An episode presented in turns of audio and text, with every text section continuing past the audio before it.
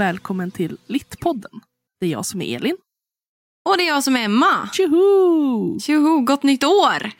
Ja, Gott nytt år! Eller det är 2021 nu. Mm, Hur sjukt är det? Ändå. det är så skönt.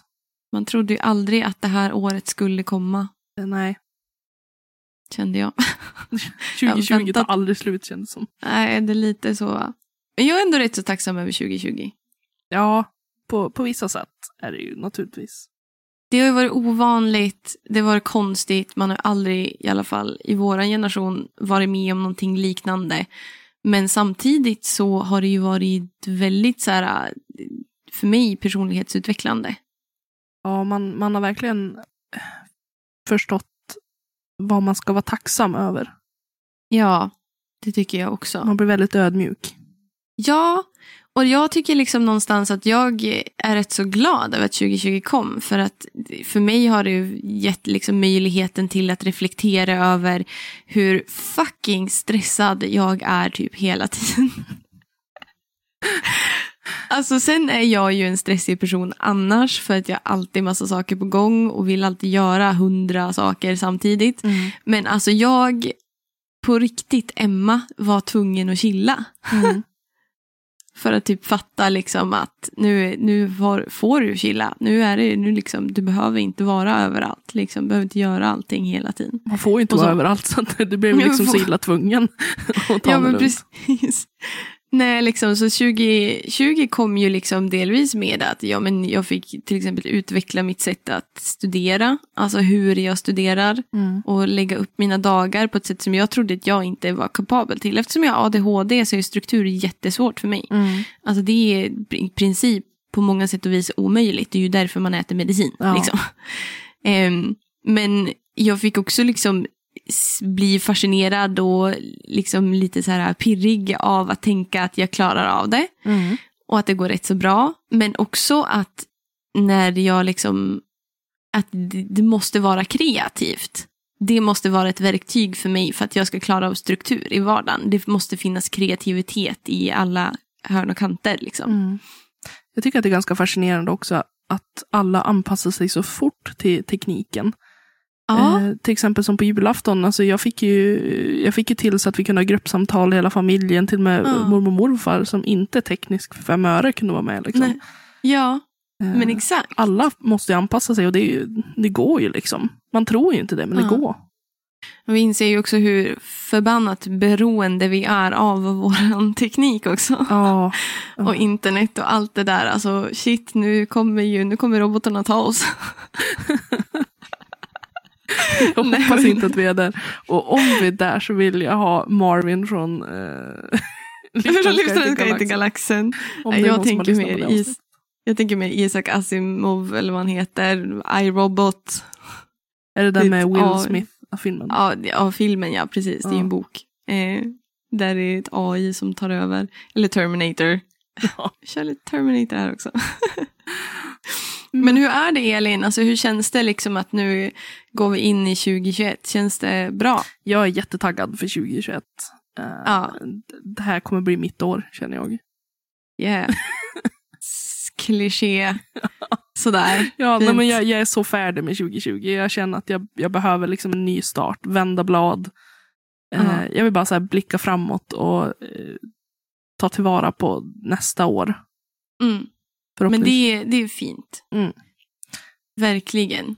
Hur känns det liksom med skolan då? Nu går vi snart in i en ny termin. Ja, men det känns bra det också. Eh, Mm. Vi är ju som i mitten av allting. Så jag har Mm. ingen stress eh, för det, utan Nej. som förra året körde vi ju B-uppsatsen nu, alltså den vårterminen. Ja. Vilket vi inte, vi har ju ingen större liksom, Nej. inget större projekt. Så att, nej men jag, jag tycker att det känns bra. Mm. Jag känner mig lugn. Ja. Kul. Hur känns det för dig då? Ja, men alltså jag som sagt är väldigt tacksam över 2020. Alltså jag kan nog känna att jag... Eh, det, det har inte känts bra att vara instängd alltså på det sättet. Nej. För att jag måste få göra saker. Men alltså jag och Robban har ju varit som ute och hajka, alltså vandrat mycket i naturen. Alltså vi två är ju sådana människor. Mm. Vi gillar sånt. Så det passade vi på att göra mycket under sommaren och vi bor ju typ ute i skogen. Så att det är liksom, jag vet inte, vi har gjort mycket sånt och fotat och jag vet inte, jag, jag räknar bort just den här grejen med att vara instängd, att jag inte klarar av det, eh, så tycker jag att 2020 har varit ett skitbra år. Mm. Liksom. Jättebra år för mig någonstans. Ehm, Det är vilket skönt. känns jättehemskt att säga. Ja, men alltså, För jag vet att om, det, om det känns så för dig så är det ingenting man behöver få dåligt Nej. samvete över. Men har det känts Nej. bra så har det känts bra. Nej, men man ska inte bekymra sig så mycket vad andra tycker kanske. Nej. I och för sig. Nej, men det, så det 2020, jag känner så bara, ja men eh, det känns bra. Jag känner att jag har kommit rätt så långt. Eh, fått också möjligheten till att reflektera över varför jag får så otroligt mycket prestationsångest och sådana saker över saker. Eh, och sen så har 2020 också liksom gett mig möjligheten till att typ, vad ska jag säga, det var någonting jag skulle säga med det. Vad hade det gett mig möjligheten till? Jag har ingen aning. Ingen Det har gett dig jävla aning. möjligheter i alla fall. Ja, läst mycket och sådana saker. Nej men jo, men det jag tänkte på, jo, det, det är att eh, det här med att ha ADHD har jag tagit upp lite innan om identitet och sådana saker. Men jag fick ju min ADHD, AD, kan inte prata. Eh, jag fick min ADHD-diagnos när jag var rätt så gammal, jag var ju 24. Mm. Eh, så den är rätt så ny. Eh, och att då det här året fått lugna ner lite farten runt omkring mig. Har fått mig liksom, gett mig möjligheten att tänka över vad är det som är med min ADHD då. Och det är till exempel har jag fått veta att eh, folk med ADHD är väldigt vanligt att man gör någonting som kallas masking. Eh, och masking handlar om att eh, man tänker att man är på olika våglängder än de som har liksom inte har en NPF-diagnos. Mm. Man, man är som lever lite parallellt med varandra. Mm. Eh, så att vissa saker förstår inte jag. På samma sätt som att mm, de som inte har NPF förstår inte varför jag gör vissa saker eller reagerar på vissa saker och sånt. Nej. Eh, och för att då få tillhöra normen då med en NPF-diagnos eh, så gör man det här med masking då. Man, man imiterar andra människor. Mm. Eh, man imiterar ansiktsuttryck, man imiterar känslouttryck, man eh, imiterar reaktioner på saker. Eh, jag reagerar ju helt olika känslomässigt på olika saker än vad kanske normen gör. Eh, något som är litet för någon annan kan vara stort för mig och något som är stort för mig kan vara litet för någon annan. Mm. Eh, Måste vara fruktansvärt saker. energikrävande.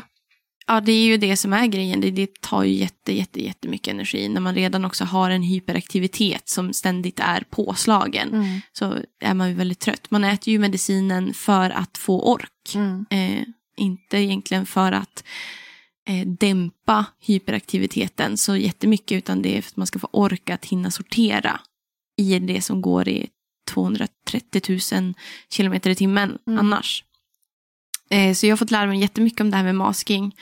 Och det har varit jättespännande eh, att förstå till exempel att ja, men, eh, jag har ju aldrig förstått varför människor har så svårt att förstå eh, jag, jag förstår inte till exempel emojis eller smileysar. På telefon. Ja, jag Oj. förstår. Det, det, det, jag tolkar dem alltid fel. Till Och exempel. jag som typ bara skriver mig. Ja, det är typ, alltså, jag, du ser ju att jag skickar ju typ samma eh, smiley hela tiden till dig och det är typ den enda smiley jag skickar för att jag förstår att du reagerar. Nu har jag fattat att du, du vet vad den där betyder och jag har fattat att jag vet att du vet vad den betyder. Så du förstår vad jag den. vill mena med den. Ja, men annars skickar jag aldrig smileysar. Eh, och det är för mig, för att jag vet inte hur folk kommer att ta smileysarna. Och för att jag oftast läser in saker på smileysarna. Eh, så vill jag inte heller att folk skickar smileysar till mig. Okej. och då har jag också fattat att folk inte riktigt förstår min sarkasm alltid. Eller min, min humor, den är rätt så mörk. Mm. Snuskig, mörk och väldigt, väldigt sarkastisk Mm. är jag. Ehm, och så ehm, att folk oftast lägger till emojis för att de ska, man ska fatta att det här är ett skämt. Mm. Eh, till exempel. Och det har jag fått liksom, fundera mycket kring. att Varför det är så, varför jag inte förstår och sådana saker. Och varför har jag ändå kunnat använda smileysar förut och förstå varför det uppstår missförstånd och sådana saker. Ehm, och då, har, då kommer det tillbaka till att det handlar om mas masking. Att man gör det även i kommunikation. Eh, både i skriven kommunikation och i verbal kommunikation. Eh, och att det är muskel eh, som hela tiden måste underhållas. Det, man måste träna den muskeln. Gör man inte det aktivt så tappar man förmodligen lite av den normens sociala förväntningar. Alltså man tappar en sorts liksom, social förmåga Mm. att, att prata med andra människor. Eh, till exempel att inte... Jag tänker ju väldigt, väldigt, väldigt, väldigt långt. Eh, någon kanske är hun, i normalfart hinner man tänka ett, två, tre, fyra, fem, sex. Mm. Lugnt, väldigt stressfritt. Jag hinner tänka 1001, 1002, 1003 för då har jag hunnit räkna dem upp till 1000.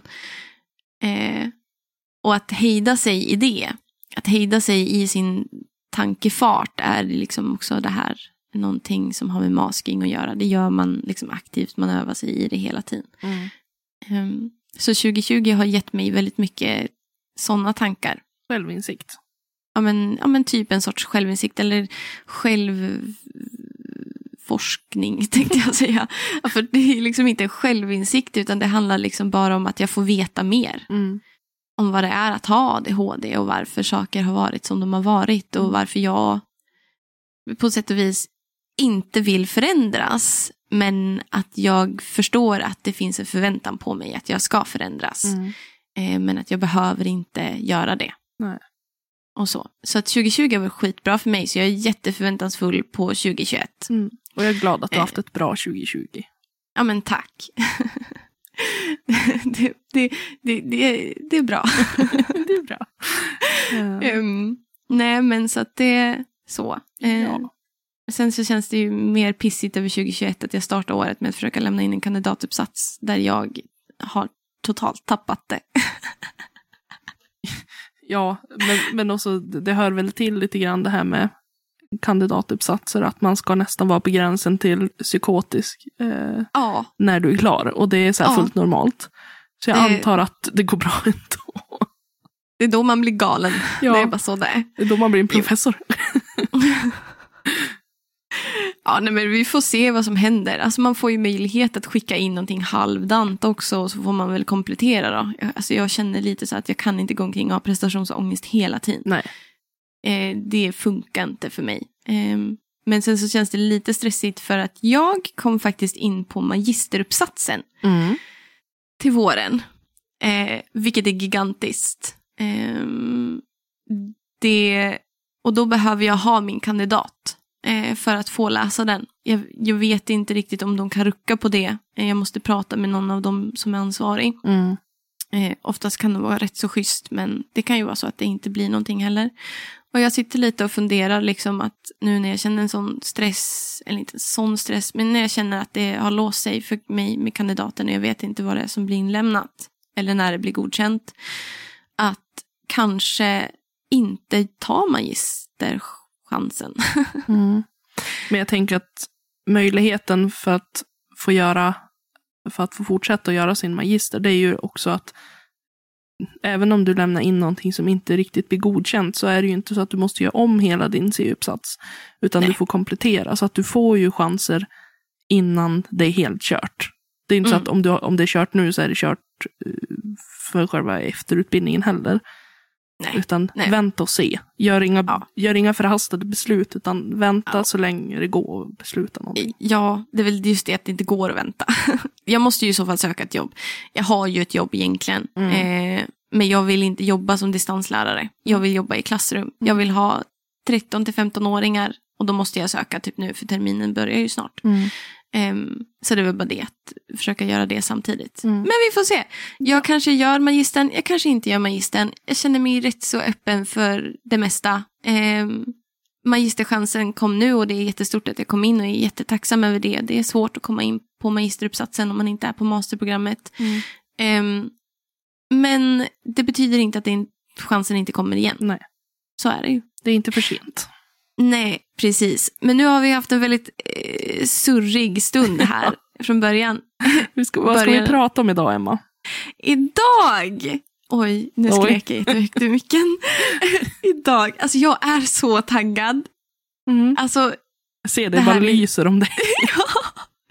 vi ska prata om comics. Mm. Ska vi göra. Ja, Så jag tycker vi kör, i, kör igång, vi kör igång. helt enkelt.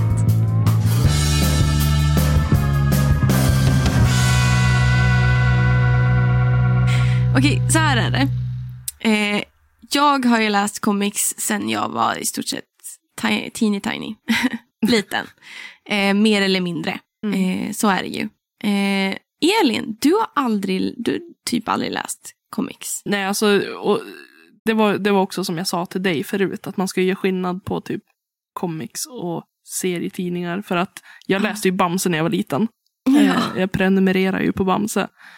Eh, Men nej, jag läser inte jättemycket comics, eller snarare Nej. ingenting alls. Då tänker jag, då definierar jag lite kanske vad comics är. Comics är ju det engelska ordet för grafiska böcker, Mm. grafiska serietidningar. Ehm, och det är ju, till exempel så har väl de flesta hört talas om DC och Marvel. Mm. Det finns ju jättemycket filmer, Batman, Spiderman, Avengers, The Joker, alla de där. Det är ju liksom för de flesta eh, som inte tillhör den här eh, geek-kulturen, de, de ser ju det som filmer eller serier Mm. eh, och så. Ehm, tänker man på typ serietidningar som typ Batman och alla de där, de flesta som kanske inte alls har nosat på sådana här eh, grafiska eh, böcker och grafiska serietidningar tänker väl, ja men det där är väl typ barntidningar. Ja men typ som Bamse fast det handlar om superhjältar. Mm. Och jag tänker säga ja, det är väl typ, nej. Inte alla. Inte för alla. Eh, det är absolut, jag började läsa eh, comics när jag var ung. Men jag läser dem lika, om inte mer, nu när, som vuxen. Mm. För det finns ju liksom sån stor eh, variation kring det där liksom med comics. Det finns ju allt ifrån de som är lite snällare. Eh, som är kanske för mindre barn eller unga tonåringar. Och sen så finns det de som är jävligt förbannat fucking mörka. Där du mår skit efter att ha läst. Ja, alltså, Dem. jag var inne och läste på en, på en hemsida. Jag har ju inte så jättemånga serier eller comics hemma. Eh, men där kunde man också välja så här. Det fanns ju pornografisk eh, comic. Mm. Alltså det, och det är ju inte riktigt barnvänligt. Jag tänker liksom, det grafiska säger väl ganska mycket om vad det är, men en grafisk roman kan man säga, eh, jag läser från en bok som jag har, en litteraturdidaktisk bok, eller en, en eh, bok om, som heter Från fabler till manga, där man pratar om litteraturundervisning i skolan. Men då säger de här författarna, som är Anna Boglind och Anna Nordenstam, att den grafiska romanen framhålls som en trend vad beträffar ungdomsböckernas form. Med begreppet grafisk roman menas kapitel, mellan ålders och ungdomsböcker där text och bild samspelar och där bilden bär berättelsen framåt mer än att bara illustrera handlingen. Det är således en tydlig interaktion mellan text och bild precis som i den genuina bilderboken. Så det är skillnad på den grafiska romanen och bilderbok. Bilderbok, tänk typ eh, Mumin, eh, kanske Astrid Lindgren, alltså barnböcker, bilderbokens barnböcker.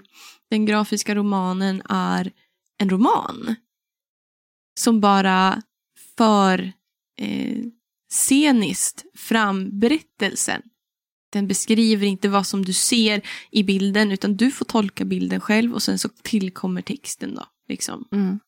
Jag tänker att det är också lättare att illustrera en actionscen till exempel.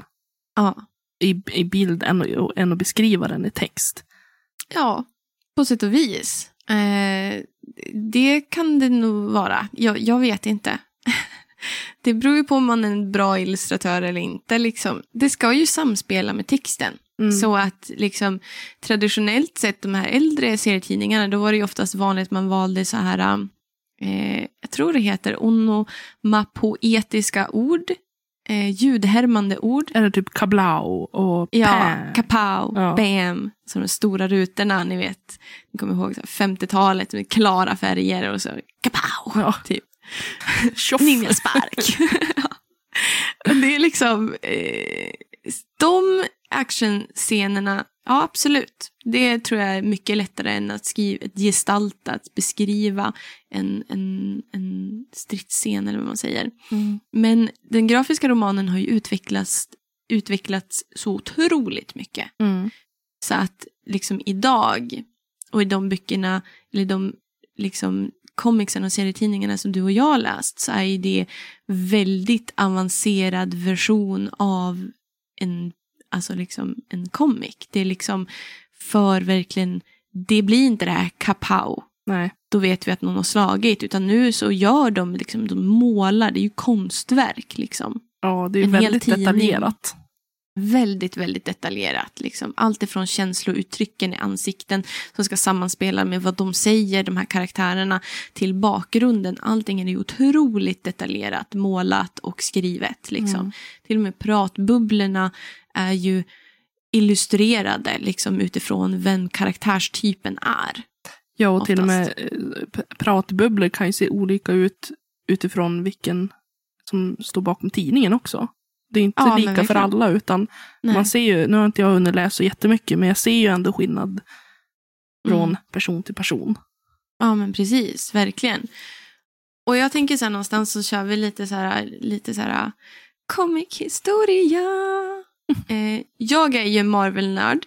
Mm. Eh, jag gillar DC. Eh, jag gillar Batman jättemycket och så här Nej. Suicide Squad och sådana saker är väl lite tufft. Liksom så. Batman måste ju vara den absolut obehagligaste typen. Men ja, Söndertjatad tänkte jag säga, men ja, obehagligaste typen. men han har ju en röst och bara äh, Ja, ja, sitter jo, i mörkret och tittar på folk. Ja, han är väldigt så här uh, disturbed. Liksom, han tycker lite för mycket synd om sig själv. Ja. Kanske många gånger. Men eh, det jag ville liksom ta fram är ju att eftersom jag är en Marvel-nörd kändes det lite naturligt att gå in och prata om liksom Marvel. Eh, och då är det om Stan Lee då. Stan Lee är ju en av skaparna till Marvel Comics då. Ehm, han är liksom en, vad säger man? Legend. kan bara, ja, han är en stor legend, men han är också både writer, editor, publisher och producer. Jag vet inte vad de heter på svenska. Men han har skrivit, han äger liksom förlagen som det kom ut. Ja, Han har illustrerat. Ja, Han, han har liksom gjort allt själv. han har gjort det mesta och han är ju skaparen tillsammans med Jack Kirby och Steve Ditko. Mm. eh, som också är så stora legender. Liksom, så han skaparen till det vi, vad vi vet är liksom Spiderman, X-Men, Iron Man, Thor, Hulk, Ant-Man, Wasp, Fantastic Four, Black Panther, Daredevil, Doctor Strange, Scarlet Witch, Black Widow, Captain Marvel. Shit. Jag har skrivit ner dem på min telefon för jag kan inte räkna upp alla ur minnet. Jag ville räkna upp allihopa för att folk ska förstå hur, vilken skapare han är. För det här är ju, det här är ju filmer idag Ja. det här är ju liksom ett fenomen. All, för det mest, alltså jag tror att jag kan, det kanske är stora ord, men de alla har väl kanske sett en Marvel-film, tänker Ja. jag. Tänker, någon gång. Ja, liksom. de flesta i alla fall. Men Ja. någonting jag tyckte var jätteintressant när jag googlade om Stan Lee. Det var att han har gjort eh, sån här, eh, han har dykt upp i typ alla filmer. Alla filmatiseringar. Han har haft en cameo som det heter. Att han Ja. har gjort en liten roll. Det kan vara en gubbe som tidningsbud eller Ja. någonting. Jag tyckte det var skitcoolt. Det är typ det absolut bästa tycker jag någonstans med att vara en Marvel-nörd och sitta på en Marvel-film. Man bara väntar på the moment, scenen då Stan Lee kommer. Och man bara, där, där är han! Och man bara, märkte någon annan? Ja, men det också visar ju på något sätt att han hade ju verkligen så fötterna på jorden. Att han ville ju vara delaktig i all, på alla sätt han kunde. Liksom han, han sköt inte bara Mm. ifrån sig, men nu har jag tjänat tillräckligt med pengar, nu får andra sköta det. Eller så vill han bara claima sitt ownership. Nej, Jag tror att han tyckte att det var kul.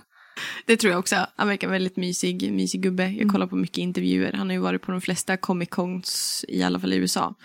Eh, och sådana saker. Mm. Comic Con är ju typ en festival där de flesta typ klär ut sig till någon superhjälte eller någon karaktär. Mm. Och så. Eh, och träffas och träffar både skådespelare och mm, comic book writers och sådana saker. Eh, I alla fall så är det så här att eh, Marvel skapades, nu ska vi se här, jag hade skrivit ner, någon gång där vid 40-talet. jag vet inte. Nu känner jag mig helt lost. Ja, där någon gång. Um, och liksom det, alltså Marvel Comics har ju typ bytt namn hundra gånger för att de också har bytt koncept hundra gånger. För att när de började skriva första gången, började skriva alla de här karaktärerna så var det till slut det här universumet helt superkomplicerat. Och så. Så att då bytte de namn och då gjorde de om det och så skrev de om karaktärerna och sådana saker. Eh, så att det, han är riktigt cool på det sättet. Mm. Eh, han dog ju 2018 Mm. tror jag det var. Eh, vilket var en sorg för alla. Men han blev väldigt gammal också. Så att han har väl levt ett bra liv, tänker jag. Ja. Eh, men Marvel eh, är ju det, är liksom det som jag fastnat mycket för. Sen har jag ju äldre blivit, desto mer har jag gått in i lite mer äldre grafiska böcker. Ehm, och så. Eh, till exempel så gillar jag ju Vertigo, gillar jag också. Mm. Eh, är spännande. Eh, de släppte ju liksom, de släpper ju lite mörkare versioner. Jag har en comic här som heter eh, ska vi se här, Hellblazer. Det handlar om John Constantine. Det finns också som film. Han dyker oftast upp i DC-sammanhang. John Constantine är ju en karaktär som är magiker men typ har sålt sin själ typ. Så Hellblazer är ju liksom, men det är ju inte Stan Lee som har gjort den. Undrar vem som skrev just den här versionen jag har. Mm. Det har inte jag kollat upp. Den här heter John Constantine Hellblazer Original Sins.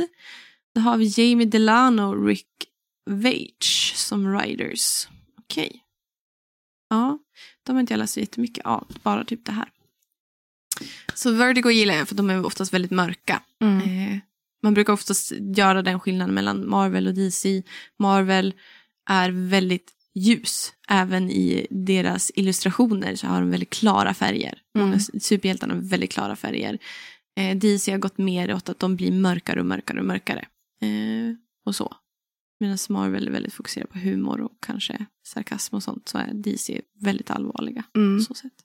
Men visst Men har jag förstått det rätt? Att det är en väldigt eh, stor typ så här grej i comicvärlden om man gillar Marvel eller DC. Att man typ måste välja sida. För det är så jag uppfattar. Att, typ, att, det, att det finns liksom någon form av kamp eh, de sidorna emellan. Ja, jo, så kan det nog säkert vara. Jag själv vill inte vara där riktigt. Jo, men det kan jag tycka. Att det finns. Mm. Att man kan ha, du är en sån som gillar Marvel, men jag gillar DC. De, sådana kommentarer har man väl stött på på olika forum eller bland sina vänner och så. Mm. Jag själv kan tycka det är jävligt barnsligt. Ja. Eh, jag är mer fast i om jag tycker om superhjälten eller och storyn och den som är författare till storyn. Mm. Ehm, så det är därför det jag kan ju ha både, både Marvel och DC har jag i mina hyllor. Mm. Ehm, sen är det ju så att jag gillar kanske Marvel mer. Men det är också liksom det är väldigt mycket av en personlig preferens och jag tycker att alla som står där och ska hålla igång någon sorts sån, sån uppdelning, de kan nog gå och byta sin egen blöja, tror jag. Ja, men det finns någon prestige i att man måste så här, man, måste, man kan inte gilla bägge två. Lite så har Ja. jag förstått det. Men jag tycker också Jo. att det är fjantigt i sådana fall.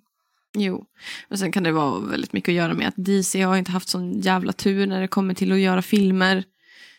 Marvel har ju liksom gjort det jävligt bra med deras eh, alltså Cinematic Universe, alltså filmuniversum. Eh, DC har varit rätt så tråkigt har jag tyckt. Mm. Eh, och så. Men jag vet inte. Ja, det finns en uppdelning, absolut. Det gör det väl alltid. Eh, men det är bara skit. Alltså, det är, vem bryr sig egentligen? Gillade du gilla? Ja, Läste du läsa? absolut. Någonstans. Så är det ju. Men du läste ju mm, Buffy. Jag har sagt Duffy så många gånger nu. Buffy. Ehm, Buffy. Men det är bara för att jag har ett jätte, jättestort intresse av mm, tv-serien. Eh, Mm. Den har ju liksom verkligen varit eh, min eh, favorit liksom, sen jag var barn. Så Mm. därför tyckte jag att det skulle bli jättekul. Och jag är jätteimponerad av comicsen för att ehm, de, de gör ju liksom, de, de följer ändå typ kronologiskt tv-serien. Mm. Eh, men det är inte samma handling. Det är, så, det är så fristående avsnitt. Okej. Alla karaktärerna känns så här genuin. De känns eh, precis som i tv-serien. Mm. Eh, man, man kan förstå så här, karaktärsdragen är klockren. Mm. Jag, tycker, jag tyckte att den var jättebra. Jag kommer fortsätta läsa den. Mm. Hur kände du liksom med den skrivna texten då, alltså författarskapet? Ja, men jag tyckte att det var jätte, jättebra. Ja. För att om man har sett Buffy så vet man att hennes karaktär har väldigt här, snabba repliker i fights. Eh, Mm. Hon är väldigt underfundig, rolig, eh, själv, vad ska man säga, självsäker. Tuff, Eh, tuff tjej. vad sa du? Tuff tjej. Ja, men precis. Eh, och det tycker jag att de har fångat. Jag tycker de har fångat allt Mm. det som man vill ha ur eh, serien. Mm. Så att jag är jätte, jättenöjd. Det enda jag kan eh, känna mig så här lite, mm, det är så att alla monster var typ grön. Ja, alltså det där är också väldigt vanligt med typ alltså, comics rent generellt. Att de som är typ onda eh, har väldigt så här, distinkta färger. Eh, för att de ska, när de dyker upp så ska, det, liksom, ska man se det Mm. eh, och så. Eh, Ja, alltså jag, det, det var ju sånt litet, liksom ett litet minus om man tänker på hur nöjd jag var i det stora hela. Men jag såg Mm. också, de har ju massa spin-offs även där, eh, Mm. där man får följa karaktärer Mm. mer. Och det är ju Mm. jättekul också, för jag har ju också mina favoritkaraktärer. Så det ska bli Mm. intressant att få gå in kanske lite mer djupare. Ja, för det här tar ju oss vidare till vad jag kallar literacy. Eller det, det vidgade textbegreppet. Mm. någonstans. Ehm, och det, det finns en definition på det också. Hej och hå.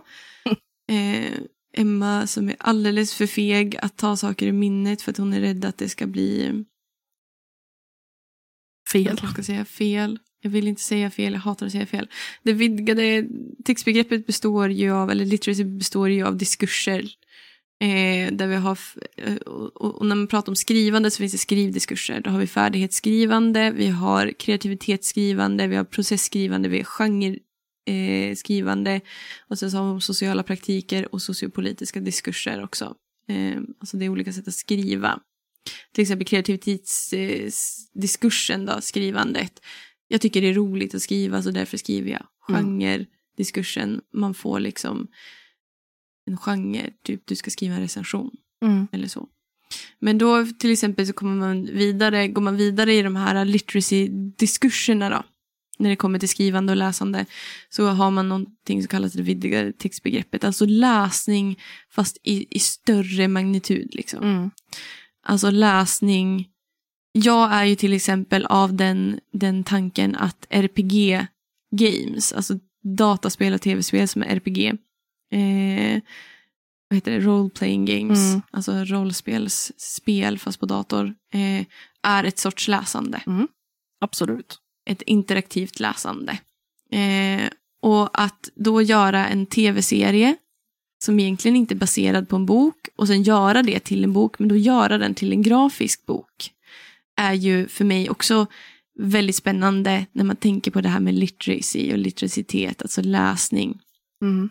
Eh, för att jag tycker att det här är ett fantastiskt sätt att få barn och unga att läsa Ja. i en, i, en, i en generation, i en tid där vi spenderar väldigt, väldigt mycket tid på att kolla på filmer, kolla på serier specifikt. Eh, först och främst. Eh, och sen då utnyttja det till att ändå få dem att läsa. Ja. Liksom.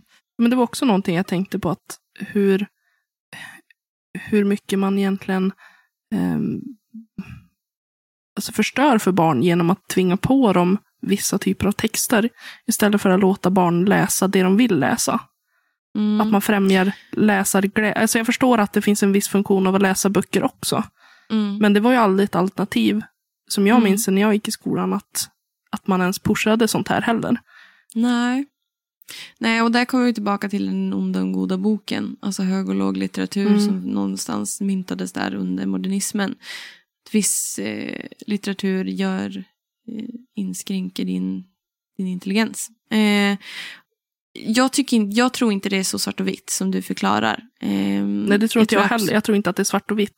Men jag tror att det finns barn som inte väljer att läsa någonting alls, som ska läsa någonting i skolan och skiter i att göra det. Mm. Och att där kanske det borde finnas mer alternativ Mm. för dem än att de inte ska läsa på- alls.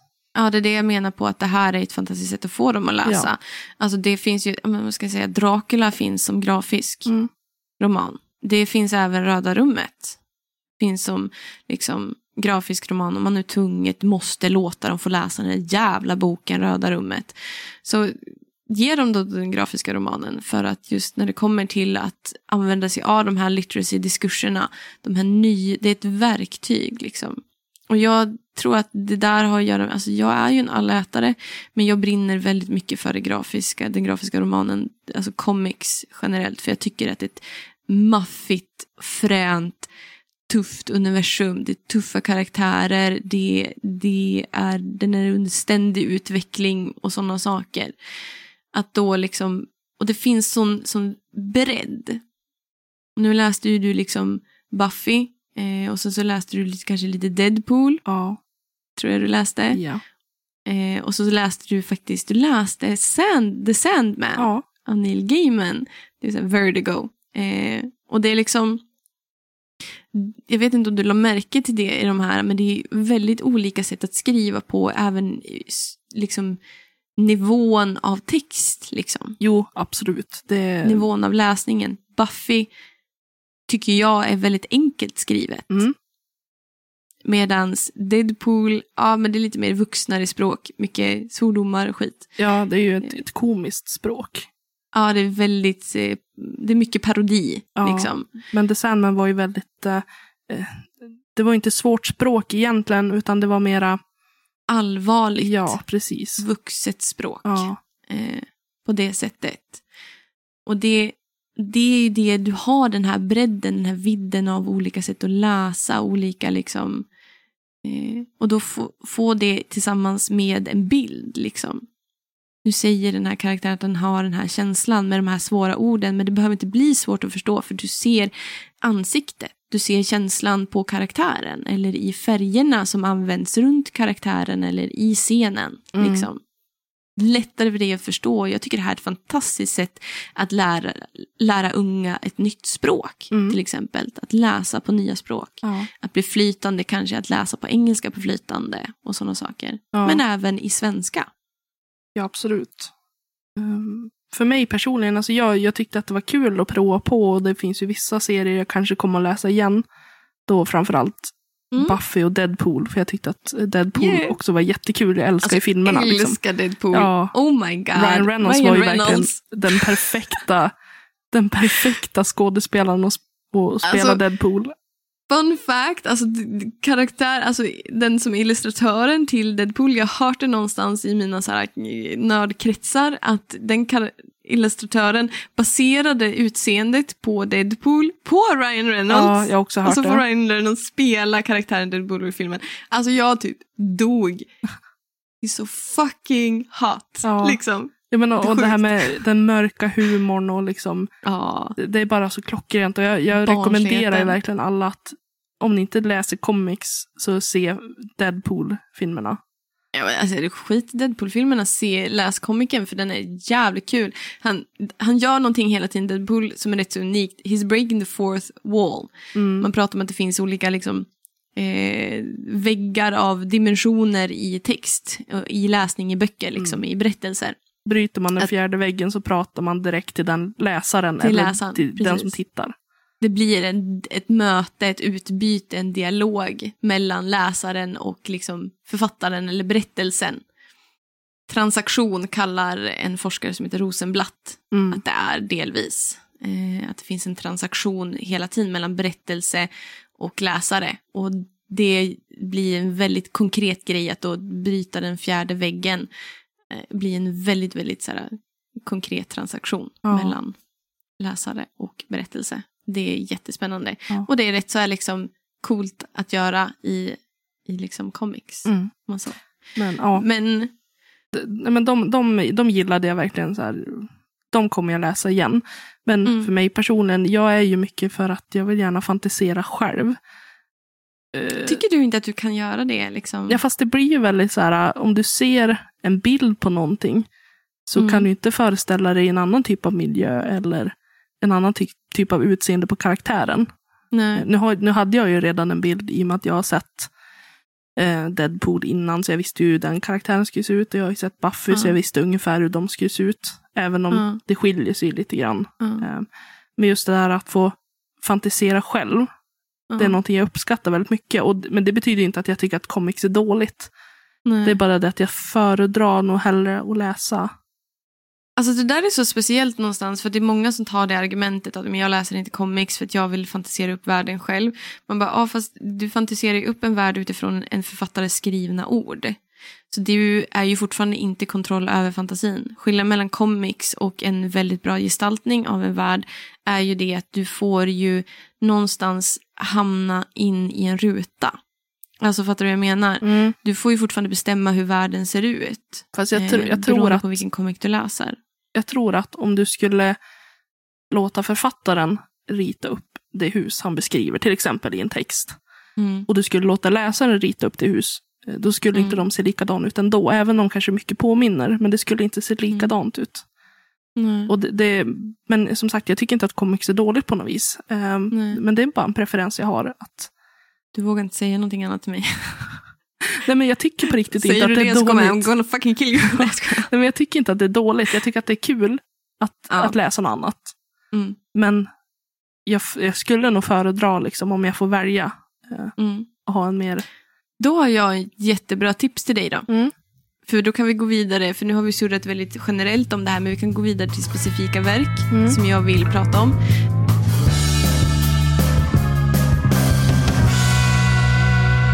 Så här är det, att eh, Neil Gaiman är ju en fantastisk författare. Han har skrivit allt ifrån barnböcker till, till alltså vuxenböcker till comics. Mm.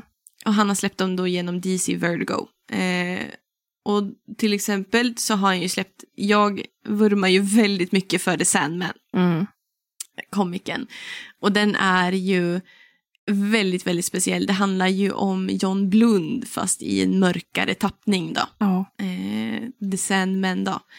Och den som jag sa i förra avsnittet släpptes ju som ett ljud, som ljudboksdrama.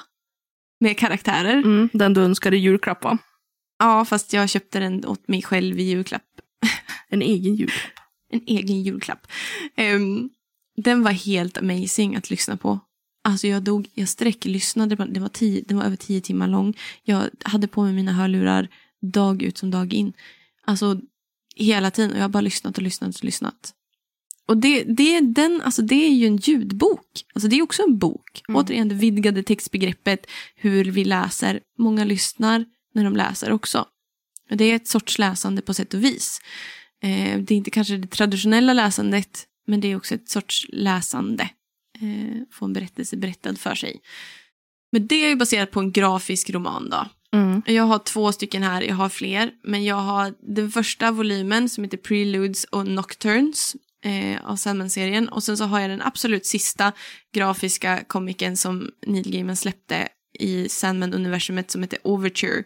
Sen finns det massa så här eh, spin-off eh, som heter typ exempel Books of Magic har jag tipsat om på vår Instagram-sida att jag läst om. Den är, lite, den är inte lika bra som The Sandman, men det är inom samma universum. Mm.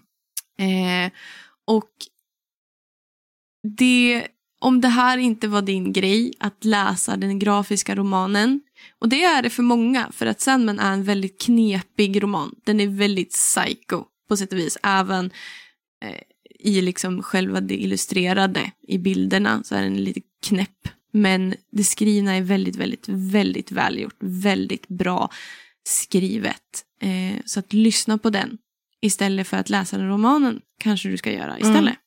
Och det kan jag tipsa er om att göra också. Att vill ni inte läsa comics, alltså många comics har gjorts om till noveller, alltså skriven text eh, och berättelser. Så, alltså böcker eh, som inte är grafiska och ljudböcker.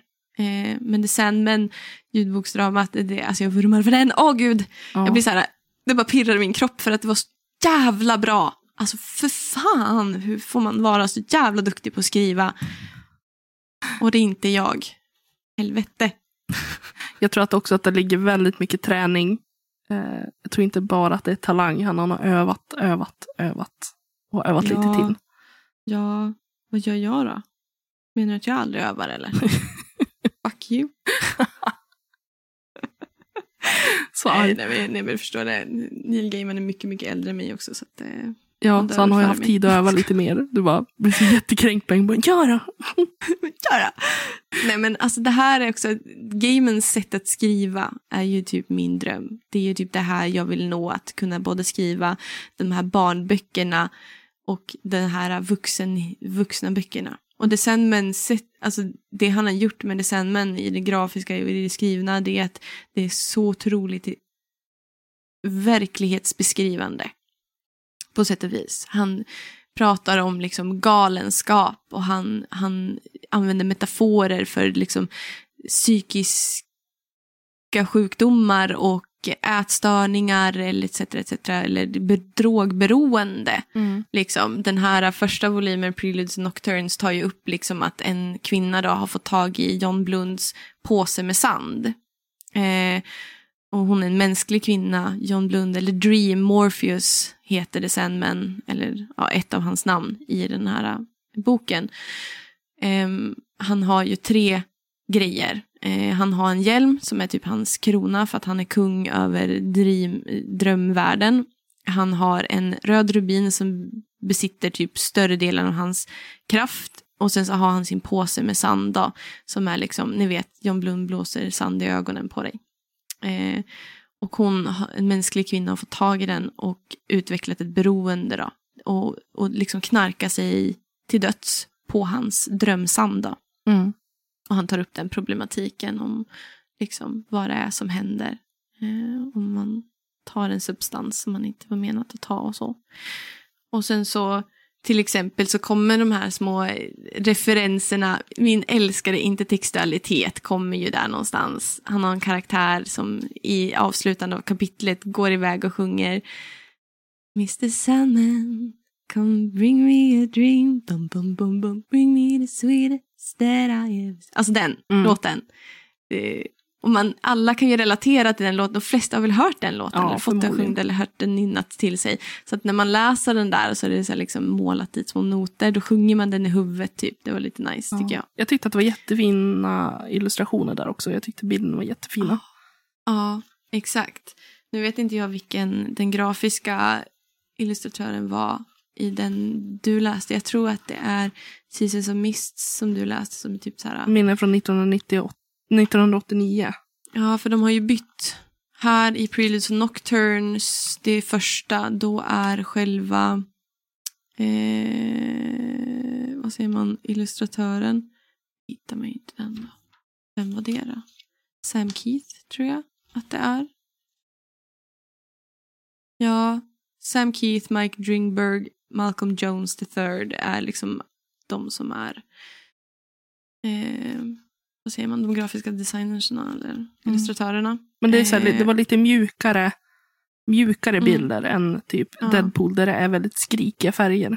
Ja, precis. Och det är ju också för att det här är ju liksom, det här är också, alltså Dream är ju också mardrömsmannen. Mm. Han beskrivs ju väldigt specifikt.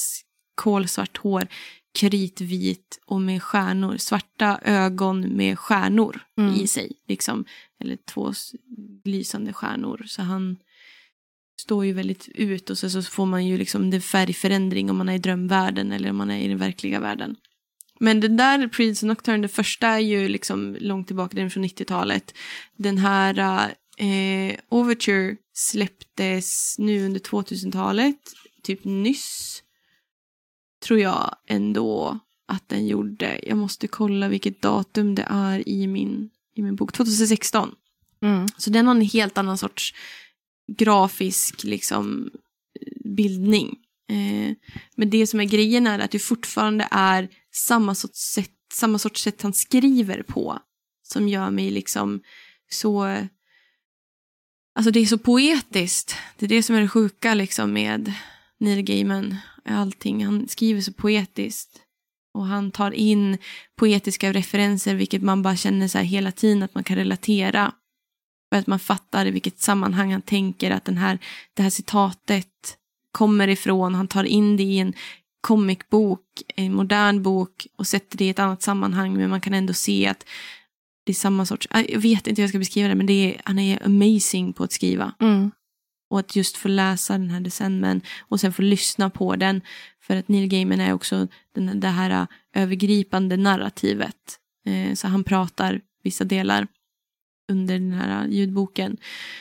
Och sättet han uttalar orden på får mig typ att rysa. Typ. Mm. Det var det bästa jag har hört. Typ. Mm. Det är Så de spännande. rekommenderar du i alla fall. Ja, men The Sandman-serien. Jävligt svår och förstår, jävligt psycho, jävligt bra. Förbannat bra. Återigen, Och- förbannat. Förbannat. Men sen så har jag ju också lite, jag måste ge lite Marvel-tips. Mm.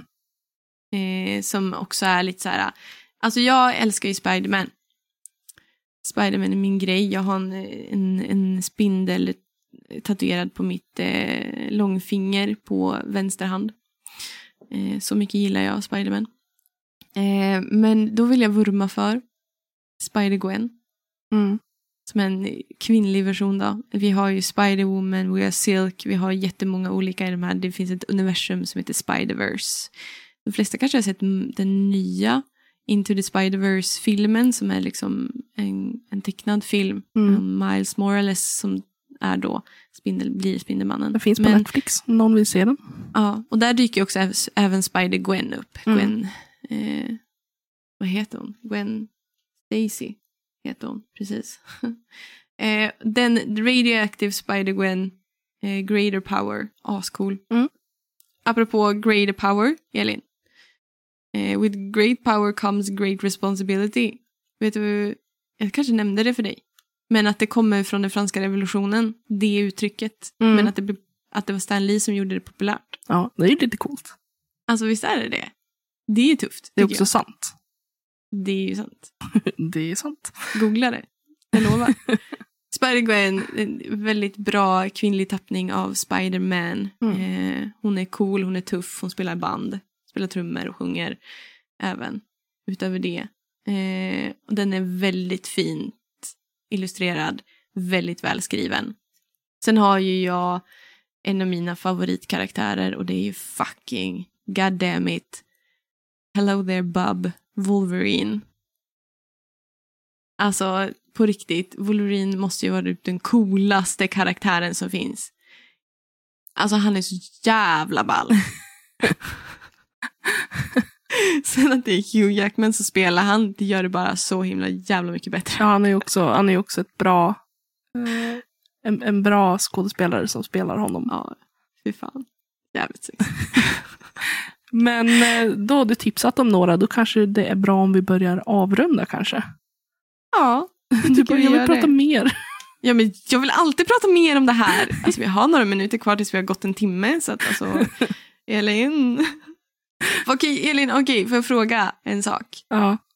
Eh, om du skulle liksom få välja en grafisk bok du skulle vilja skapas av typ en riktig bok eller vad som helst, en karaktär. Vad skulle du vilja att det skulle liksom, vad skulle den handla om? Hur skulle den typ se ut? Skulle den vara mörk eller skulle den vara lite klara färger eller skulle det vara... Alltså jag gillar det här konceptet antihjälte, mörk humor, sarkasm. Eh, Mm.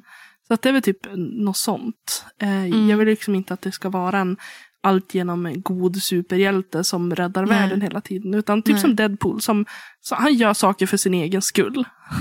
han gör det liksom på sitt sätt. Han, eh, Så jävla hemsk ändå. Ja, alltså, han är han- ju egentligen inte jag, hjälte. jag tycker att det är liksom en, en skön kontrast mot allt det här som ska vara så moraliskt perfekt. Och ja. jag, så jag kan uppskatta eh, Mm. karaktärer också som eh, nu har jag varit väl så här, jag vill ha mycket lyckliga slut. Men jag tycker att det kan, Mm. också kan vara kul att stöta på karaktärer som inte är som man förväntar sig. Mm. Ja, men precis. Eh, Jag tycker att det är väldigt unikt i alla fall för liksom författarskapet när det kommer till comics. mm, Karaktärerna är mycket, mycket mer komplicerade än vad många böcker, mm. alltså vanliga böcker. Eh, deras karaktärer är. Mycket för att du får med så mycket mer intryck, Mm. tror jag. Genom att du får det grafiska också. Jag håller med dig. Jag gillar det komplicerade, jag gillar sarkasmen, jag gillar att de inte är helt genomgoda. Mm. Men, men då ställer jag en fråga till dig, du som har läst Mm. mycket comics. Är det någon comic som inte har blivit film som du önskar skulle bli film? Ska bli film? Okej, du gillar inte bok till film, eller ja. Nej, jag gör inte det. Nu tycker jag Marvel har gjort det jävligt bra på så sätt. Och sen så har de gjort det jävligt pissigt. Hatar första Spiderman-filmerna. Tobey Maguire, nej, inte, nej, nej, nej, nej, nej, nej, nej. um, oj, som inte har blivit film. Fuck. Alltså... um, Nej, jag kommer inte på någon så här rent spontan. Alltså jag reflekterar ju sällan över det för jag känner inte, jag har inte behovet Nej. av det. För jag får så mycket genom, det, genom comics. Är det någon du önskar inte skulle ha blivit film som har förstört? Ställer Jag frågan. önskar att Tobey Maguire aldrig hade varit Ja, Spiderman. men förutom han. Jag önskar att de aldrig hade gjort en serie på Inhumans. Inhumans är en serie som finns på, på HBO. Jag tycker den sög så jävla hårt. För fan vad den sög. Sen vet jag är många som älskar den, men för mig var det där, det förstörde en hel bild för mig. Nej. Ja. Så Inhumans hade jag önskat aldrig skulle blivit en serie. Eller i så fall, gör det fucking bättre. På riktigt, ni har ju jävla mycket, så jävla mycket pengar. Vad i helvete? kan man suga så hårt. Jag tycker att det är så Mm. roligt att så fort man frågar är det någonting som du tyckte var dåligt? Ja, nu ska ni få höra. Nej men okej, jag kommer på en som jag skulle vilja göra. Alltså Spider-Gwen. Ja. Eller typ, eh, eh, vad heter det, Squirrel Girl. Mm. Finns det en serie som heter. Och så. De är lite yngre liksom karaktärer. De skulle jag eh, tycka skulle vara skitbra. Mm. Helt klart. Det kanske får bli ett Så. projekt när du blir äldre, att du kan ta tag i det. V- Vadå, göra en film av dem? Ja, Mm, nej. skriva manuset. Nej. nej, helvete. Det skulle vara en low point för mig att vara manusförfattare tyvärr. Okej. Jag är inte intresserad. Verkligen inte intresserad av det. Nej. Men det känns ändå som att eh, de kommer väl någon gång snart. De, de slänger ju bara ut det där. Förmodligen. Nej men eh, det kändes kul att vi kunde prata lite om mitt eh, bästa, mina intressen. Alltså nej på riktigt, alltså nu måste vi typ sluta. Det känns som att jag typ hela tiden sitter och bara Elin, det här och det här och det här och det här. Och så, så får vi aldrig möjlighet att möta Elins läsande riktigt. Vi möter ju för mesta bara mitt Om läsande. jag säger 2021 är mitt år. Ja det är ditt år Ja. Elin. Jag, jag ska, Jag jag ska backa, nu. jag ska köpa hem, jag ska beställa hem Fjärilsvägen och bara Ja, för hittills har jag varit, varit liksom mer så, ja, jag accepterar allt. Och så har jag kommit med ett ynka förslag. Bara, Nej men alltså, Nej, jag har inte Inte tid. min. Alltså jag känner jag skäms så himla mycket. Jag måste verkligen. Jag är så här, jag måste vara mer öppnare. Det här kanske är en podd om hur Emma öppnar upp, vidgar sitt. Hur Emmas hjärta växte två storlekar. Det växte två steg. Fan alltså, jag suger. Men det har varit jättekul att prata comics idag. Eh, Mm. Det är så kul att någon vill lyssna. Alltså, det vet vi inte än, det är bara jag kanske. Ja. Det är en väldigt, väldigt ensam kultur, Ja. särskilt som tjej. Det är Ja. mer tjejer som läser comics nu. Men oftast är ju, är ju kanske manga och an, alltså manga en mer liksom kvinnlig eh, grafisk eh, liksom bokgenre. Mm. Liksom så. Eh, superhjältar och sånt är ju inte jätte... Eller, jag typ känner typ ingen tjej eh, som har läst... Jag har en kollega, hon läser comics, men jag lärde känna henne förra året liksom. Mm. Ehm, men sen har jag bara, det är bara killkompisar till mig. Det är bara manliga vänner som jag är nördig på samma nivå som jag är. Jag, jag lovar att jag ska ge henne mer chanser. Jag ska läsa mer. Ja, nu vet du i alla fall vad dina framtida födelsedagspresenter kommer att vara från mig. Bokmässigt. Bara grafiska noveller, bara comics hela tiden. Ja, Marvel, Men, Spiderman. ja, men det gör ingenting. Nej, vilken tur. Nej, men nu slår klockan en timme. Herregud. Ja, men eh, Det här var skitkul. ja. Och Jag kan eh, gärna gå in på det mer gånger. Ni vet vad ni ska göra. In och följ oss på Instagram, Facebook, YouTube. Alla Youtube, precis. poddapparna. Mm. Bara kommentera, likea, dela.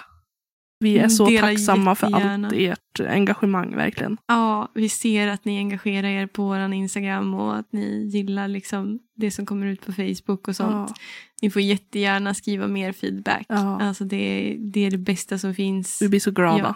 Ja, och vi försöker svara så fort vi bara kan. Liksom. Mm.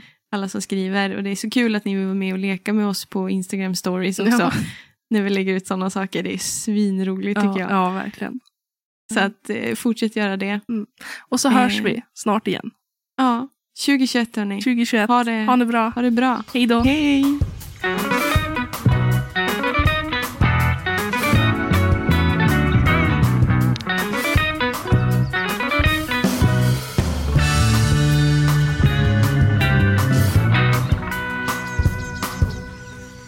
Du läste många sagor för mig. Du läste om Sture Paddenskjöld som sa Ingen fara, det här ska vi klara. Du läste också om Pelle Svanslös, Bamse. Och du läste såklart också sagorna av bröderna Grimm. Visst kunde bröderna Grimms sagor vara smått obehagliga, men det gjorde aldrig något. Vi låg där bredvid varandra med våra huvuden tätt ihop på sagokudden du sytt åt mig och vi läste och läste och läste. Tack farmor för alla sagor.